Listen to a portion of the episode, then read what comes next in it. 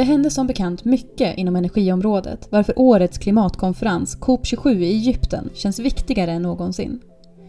Energistrategipodden är på plats genom vår gästkorrespondent Carolina Gane, projektledare på Stunds Energi. Hon ger oss rapporter och intervjuer om vad som sägs på plats. Vad tar ledarna inom branschen med sig? Hur kommer de jobba framåt? Och klarar vi klimatmålen? Över till Sharm el-Sheikh.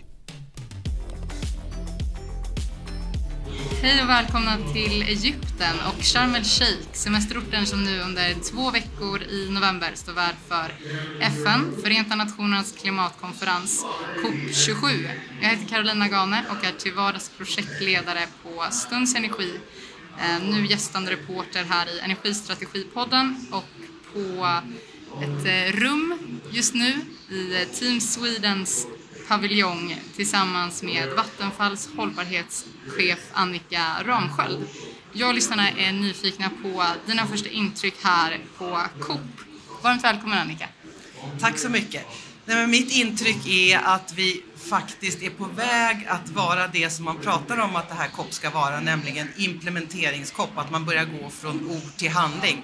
Och framförallt så tycker jag att jag ser det bland företagen och inte minst de skandinaviska bolagen gör väldigt mycket handfasta, konkreta saker för att minska påverkan på klimatet. Det är väldigt tydligt. Ja, otroligt spännande. Vad roligt att du jämför med eh, förra COP i eh, Glasgow. Är det några andra skillnader du ser från det? Man pratar väldigt mycket också om adaptation, det vill säga att man måste anpassa sig och det gäller ju framförallt de länder som nu drabbas av klimatförändringarna så tydligt att de, man måste hjälpa dem att kunna anpassa sig, att ändå leva efter det som har, som har hänt.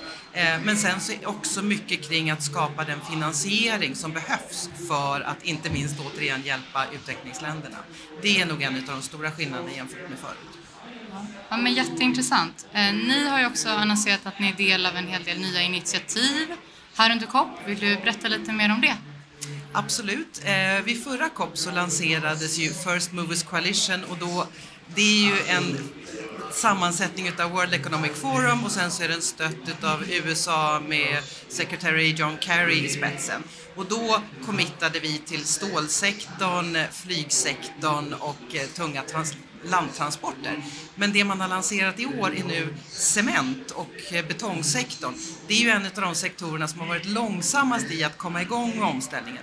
Och allting kring First Movers Coalition handlar om att efterfråga de så kallade eh, breakthrough technologies eller de här hård, svår, hard to abate sectors. Eh, att man verkligen får till en efterfrågesignal till de här eh, sektorerna att nu är det dags att ni ställer om helt och hållet.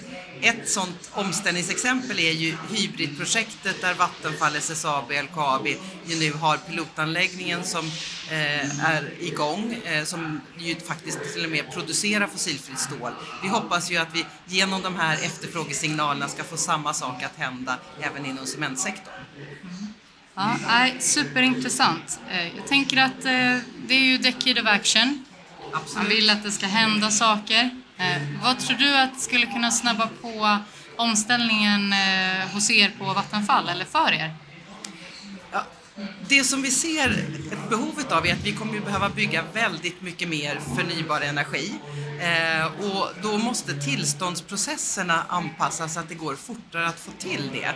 Eh, och vi ser tyvärr mer och mer, förr pratade man om NIMBY, Not in my backyard, men det vi börjar se ännu mer utav nu är det som vi kallar BANANA, Build absolutely nothing anywhere near anyone.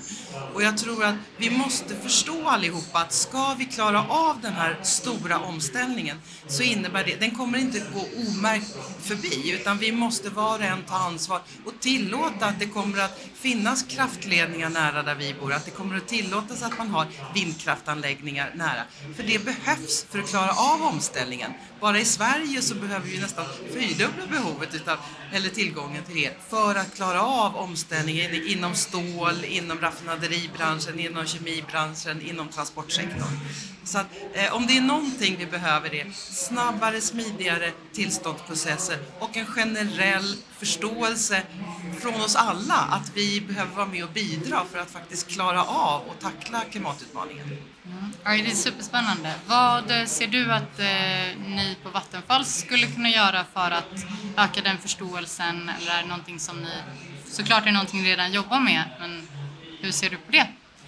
Nej men det är ju naturligtvis att eh, om man ser för att inspirera andra företag att förstå vad som krävs så är ju just COP ett utmärkt tillfälle att inte bara prata om vad som behöver ske i Sverige utan det bra initiativ vi redan har i Sverige, att man kan inspirera andra företag att göra det. Och jag har bland annat fått ganska mycket frågor från Australien och andra som pratar om det är en sån hög green premium för att gå in i stål och cementbranschen och sådär vilket ju faktiskt är ganska mycket fel. Eh, bara när vi tittar på vår egen, eh, när vi ska expandera vind nu till exempel, så om vi tar betong som exempel, det står bara för några få procent utav totala capex, alltså investeringskostnaden.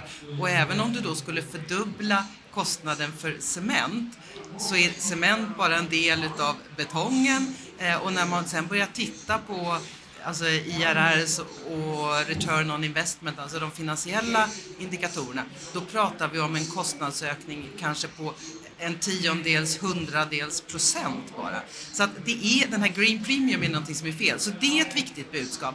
Men sen är det ju också just att, faktiskt att tala om det här att eh, vi behöver eh, göra omställningen och det innebär att vi faktiskt måste ha tillgång till land och vatten för att kunna eh, bygga den förnybara energin. Så här är det mer att vi går ut och pratar och informerar, tar dialog med både företag och lokalsamhällen eh, och att vi också faktiskt sprider ordet allmänt via press och media.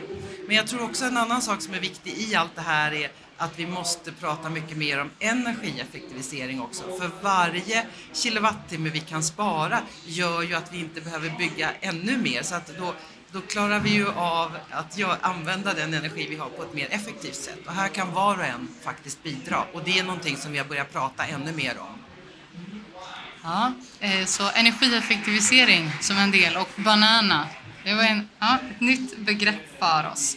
Eh, har du någonting som du känner att du skulle vilja ta upp mer eh, innan du springer vidare till nästa möten här av reflektioner från COP? Nej, men det viktigaste och det budskap jag kommer fortsätta skicka här är ju att vi måste verkligen gå från ord till handling och vi måste öka tempot. Och det kan vi bara göra genom att vi samarbetar mycket mer mellan olika sektorer eh, och mellan myndigheter, eh, företag och också att vi måste få myndigheter och andra att efterfråga de här teknologierna, breakthrough-teknologierna som, som verkligen gör skillnad i slutändan. Så det är nog det jag kommer att prata mycket om.